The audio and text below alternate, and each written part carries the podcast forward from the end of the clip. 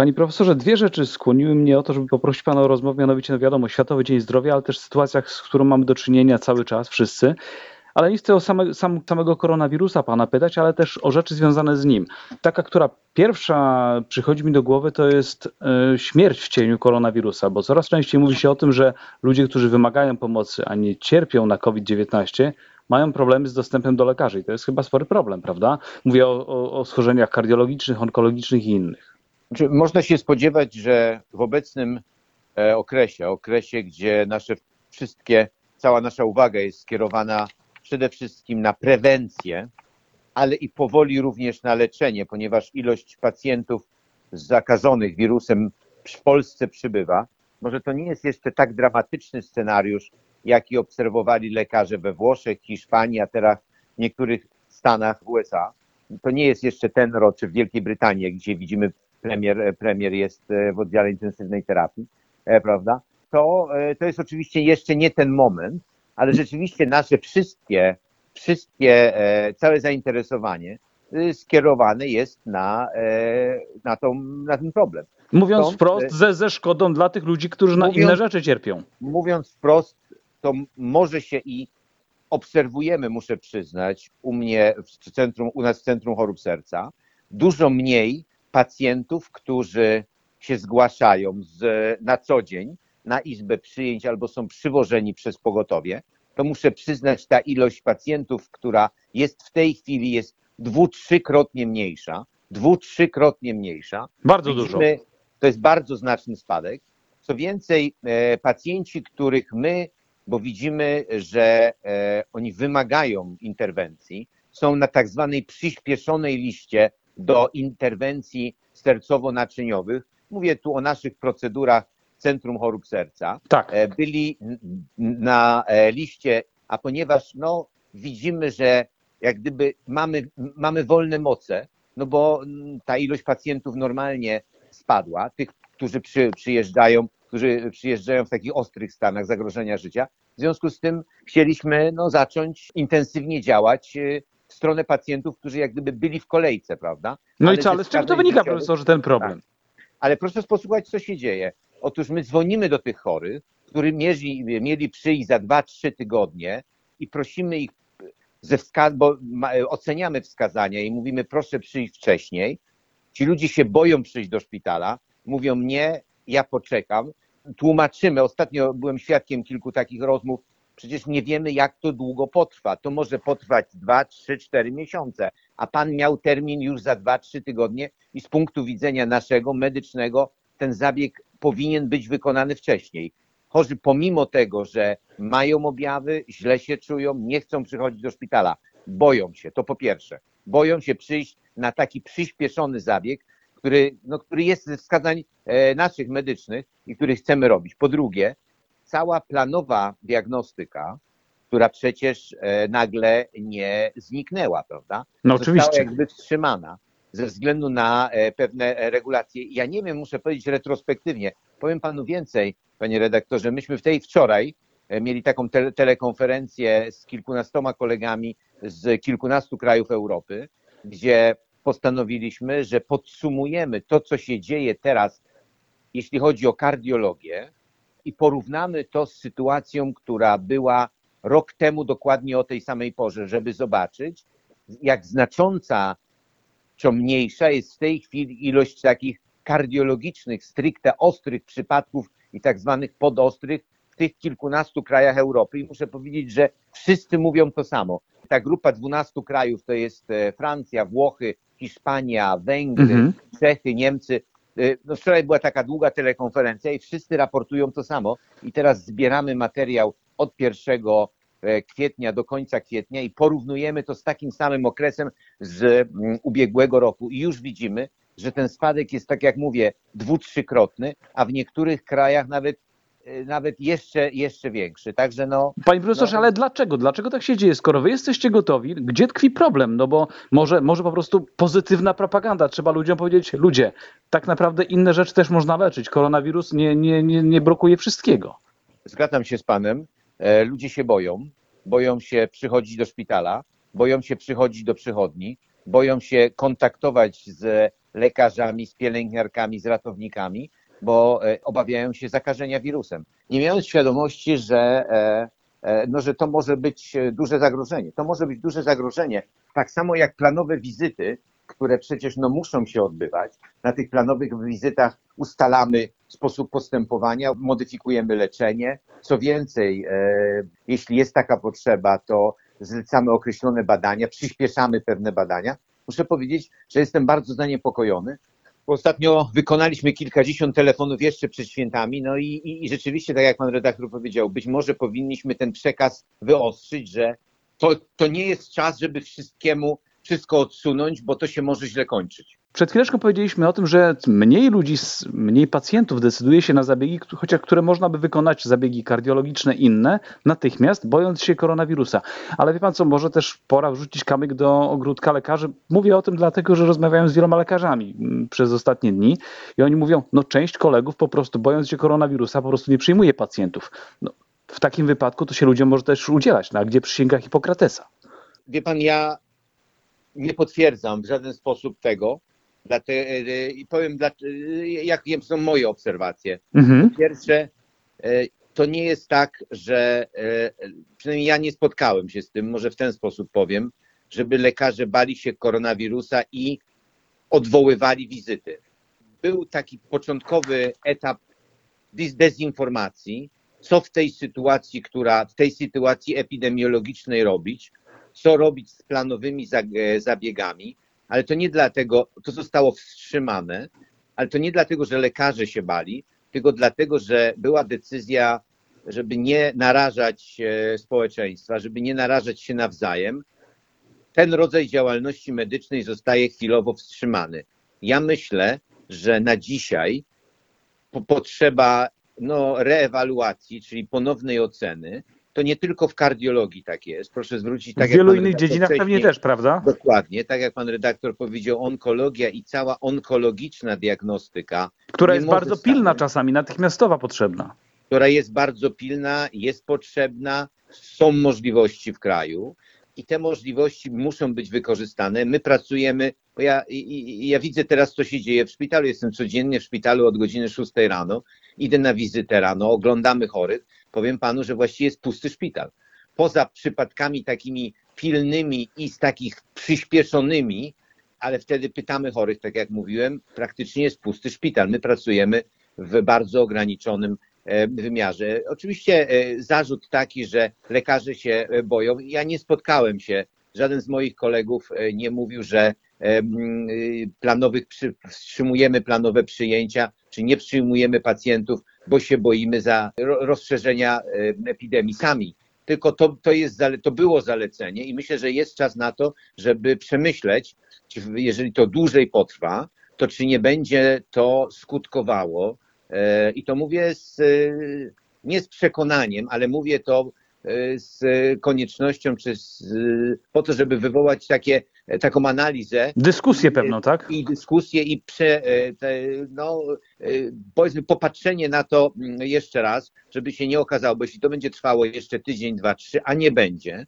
to okej. Okay. Natomiast jeżeli to ma trwać kilka miesięcy, no, konsekwencje mogą być bardzo poważne. Ja nie wiem, jak to trzeba rozwiązać, bo my rozmawiamy E, zwłaszcza w przypadku, bo ja mogę powiedzieć o, o naszym Centrum Chorób Serca. No i o to też Pana pytam, tak, oczywiście. Też z kolegami rozmawiam, swoimi z innych kardiologicznych ośrodków i powiem Panu, że wszyscy są mocno, mocno no, zaniepokojeni sytuacją.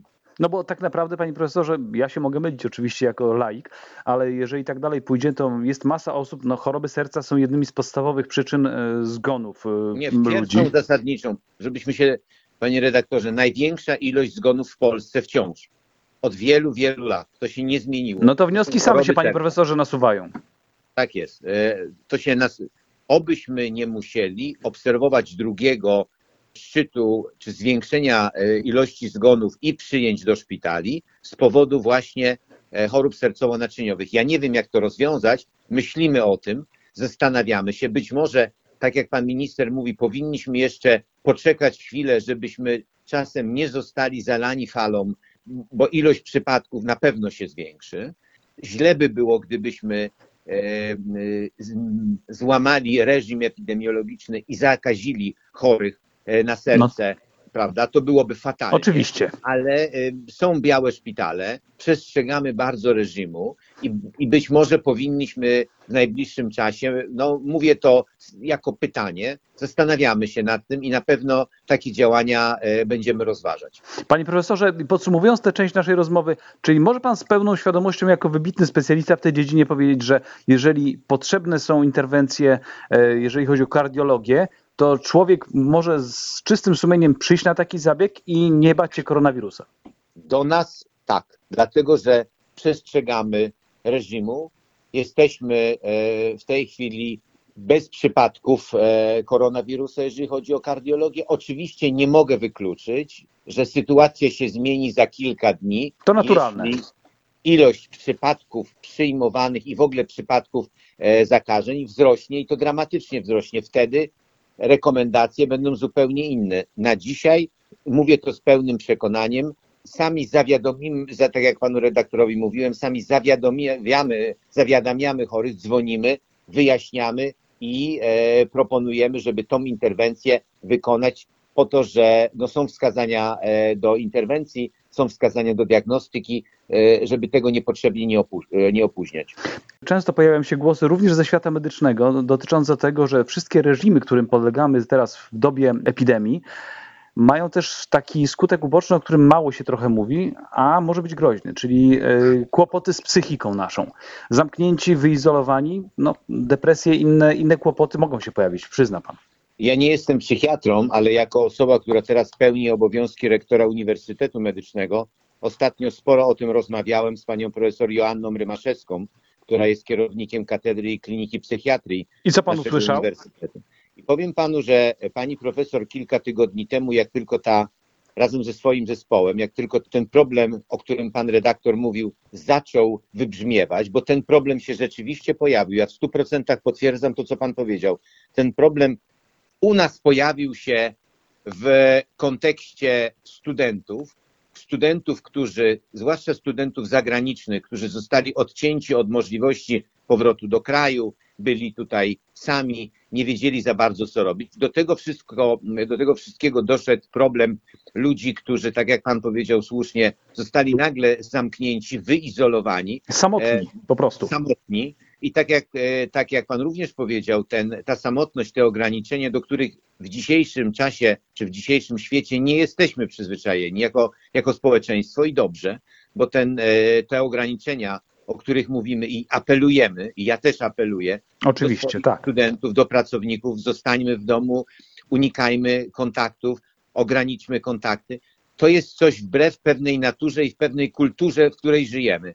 Pani profesor stworzyła razem ze swoim zespołem bardzo dobry, bardzo praktyczny program wsparcia psychologicznego, który dedykuje nie tylko naszym pracownikom, i muszę powiedzieć, że zostało to świetnie przyjęte, ale również pacjentom, ale również ludziom, i tu pojawia się pewne, pewna nowa przestrzeń, ludziom, m, którzy starszym, którzy nie radzą sobie z tymi, z tymi wyzwaniami, które ograniczeniami, które teraz e, zostały na nich nałożone. Bo młodzi ludzie sobie poradzą, młodzi ludzie. W wirtualnym świecie Dokładnie, chociażby, prawda?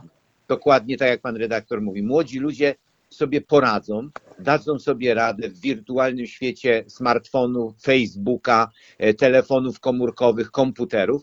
Natomiast ludzie starsi, których coraz więcej będzie, e, których jest w Polsce coraz więcej, po prostu nagle zostali pozbawieni podstawowych metod i komunikacji, a nawet takich, e, takich e, no, form, gdzie, żeby, żeby spokojnie przetrwać. To jest To- niesłychanie złożony problem. Wtrącę się E, panu na sekundę, bo słyszałem taką historię parę dni temu. Opowiadała mi pani przy, przy okazji reportażu, który pro, robiłem, o starszym panu, którego spotkała w tramwaju. Jeździł cały czas tramwajem. Zapytała go, dlaczego. On mówi, proszę pani, siedzę w domu sam, nie mam się do kogo odezwać. Przynajmniej z daleka ktoś się do mnie odezwie. Dokładnie tak, panie redaktorze. I pani profesor, mając kontakt na co dzień z, z osobami, które potrzebują takiej, takiego wsparcia, mówiła mi też o, o, o tym samym problemie, na który pan zwrócił uwagę. Zwracała mi też o, uwagę na problem ludzi, których dotyka takie, e, taka choroba, która nazywa się otępieniem. E, To są ludzie, którzy sobie całkowicie w tej izolacji nie poradzą. W tym e, świecie, gdzie byli od kogoś w 100% zależni, to, Mhm. nie jest, to nie jest mały problem. Też na to trzeba spojrzeć i też tym ludziom trzeba pomóc. Także no, czekają nas w tym obszarze olbrzymie wyzwania. I czy E, uczelnia, mówi pan, wspomina pan o rozmowie z panią profesor, jak rozumiem, jakiś pomysł państwo macie też taki, który szerzej będzie mógł wyjść w świat? Absolutnie tak. Ja prosiłem zarówno pana wojewodę, jak i pana marszałka o to, żeby i, i cieszę się, że to jest i będzie komunikowane. To jest dość szeroki program, który cały zespół, e, którym kieruje pani profesor, tworzy. Ja się bardzo cieszę, że, że wokół tego projektu zgromadzili się też studenci, czyli wolontariusze. Wolontariusze, którzy uczestniczą w tych, e, nazwijmy to, zajęciach, tych, w tych pomysłach, w tej terapii. Powiem panu więcej, ja uważam, że Uniwersytet Medyczny dzięki właśnie młodym ludziom, którzy teraz mają może troszeczkę więcej czasu niż e, chociaż, chociaż wirtualne nauczanie czy e-learning musi funkcjonować, ale mają trochę więcej czasu na, więcej czasu na to, żeby do takiej działalności wolontariackiej się zaangażować. Tutaj też chcą nam bardzo pomóc. W nawiązaniu do tego, jak gdyby kontynuując ten wątek, nawet myślimy o tym, żeby zaraz po świętach stworzyć taki telefon, m, tak, taki może nie zaufania, to źle brzmi, ale taki wsparcia, czy taką linię, gdzie będą siedzieli e, już prawie lekarze i e, o wielu rzeczach z ludźmi rozmawiali. Roz- Bo proszę, proszę zobaczyć te e, funkcjonujące w mm, przestrzeni publicznej często nieprawdziwe informacje Czyli rozmaite mity takie, bardzo. tak, obiegowe. dokładnie potęgujące nie tylko te, te re- reakcje, jestem sam, jestem odizolowany, nie mogę wyjść, ale też strach, wyjdę, zakażę się, dotknę, nie wiem co, co się będzie ze mną działo. I teraz y, uważam, że to jest misja uniwersytetu. Lekarze będą zajęci, natomiast studenci nam tutaj mogą bardzo e, w tym pomóc i, i wiem, że chcą pomóc. Czyli poprowadzą tych ludzi trochę za rękę, tak? Muszą tak, mu, tak jest. To, to, to, to jest w jakiś sposób misja i obowiązek na dzisiaj. Jest jeszcze jedna bardzo chyba, jeżeli nie najważniejsza rzecz, która płynie z, całej, z całego naszego doświadczenia z koronawirusem, z epidemii, która ciągle trwa, nasila się jeszcze. Mianowicie taka, że to jest, tak przynajmniej mi się wydaje, e, wielki egzamin dla całego systemu zdrowia. Właściwie można powiedzieć, że matura. Nie wiem, czy się pan ze mną zgodzi, ale w takich trudnych warunkach wszystko to, co zostało wymyślone, sprawdza się e, czasami boleśnie. Ma pan rację. Ja to bym nawet wyostrzył to, o czym pan powiedział przed chwilą, panie redaktorze, i bym nawet powiedział, że wszystkie niedostatki systemu opieki zdrowotnej w Polsce się teraz zogniskowały jak w soczewce. Przepraszam, że tak powiem, ale my to wszystko widzimy. No tutaj nie ma miejsca na Widzimy- znieczulenie już chyba, prawda? Nie ma miejsca na e, znieczulenie, nie ma miejsca na plan B, nie ma miejsca na improwizację.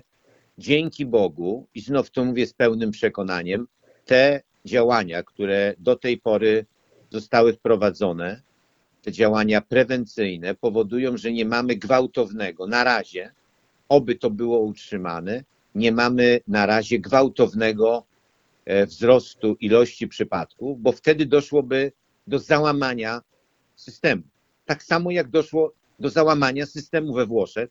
Proszę zwrócić uwagę na Włochy, na północne Włochy, Lombardię. Bogaty teren w końcu przecież, prawda? Bardzo dobrze rozwinięty. Przecież mamy wielu kolegów w Lombardii, z którymi się na co dzień spotykam. To był modelowy przykład, y, jak rozwiązywać e, problemy służby zdrowia we Włoszech.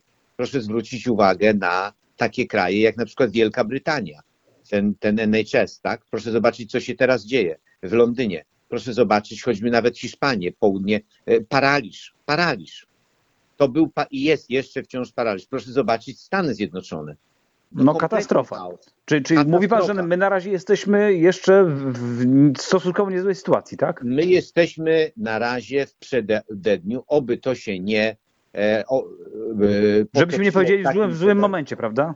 Oby tego dokładnie. Odpukam, pukam w tej chwili, tutaj siedzę przy stole i pukam. Słyszymy. E, powiem panu, e, boję się, ale z drugiej strony te działania, które zostały podjęte, pokazują, że, że nie ma tak, i, i, to jest, e, i to były bardzo słuszne, i są bardzo słuszne działania, ale oczywiście, jeżeli nadejdzie czarny scenariusz, to proszę zwrócić uwagę na to, że nikt sobie nie poradził z takim kataklizmem. Nikt. Tego nikt nie przewidział. Nie byliśmy na to przygotowani, bo takiego scenariusza nikt nie przewidział. I teraz musimy. No wnioski na przyszłość, o to tak naprawdę pana pytam. już wiemy, już rozmawiamy, że Narodowy Fundusz Zdrowia musi wyjść naprzeciw temu, o czym mówią dyrektorzy, czyli finansować zgodnie z pewnym algorytmem, który ustaliliśmy. Po tym e, rząd musi w końcu zacząć, bo nagle się okazało, że jednak lekarze są potrzebni, że pielęgniarki są potrzebni. A, że a ich jest jednych i drugich coraz mniej mamy.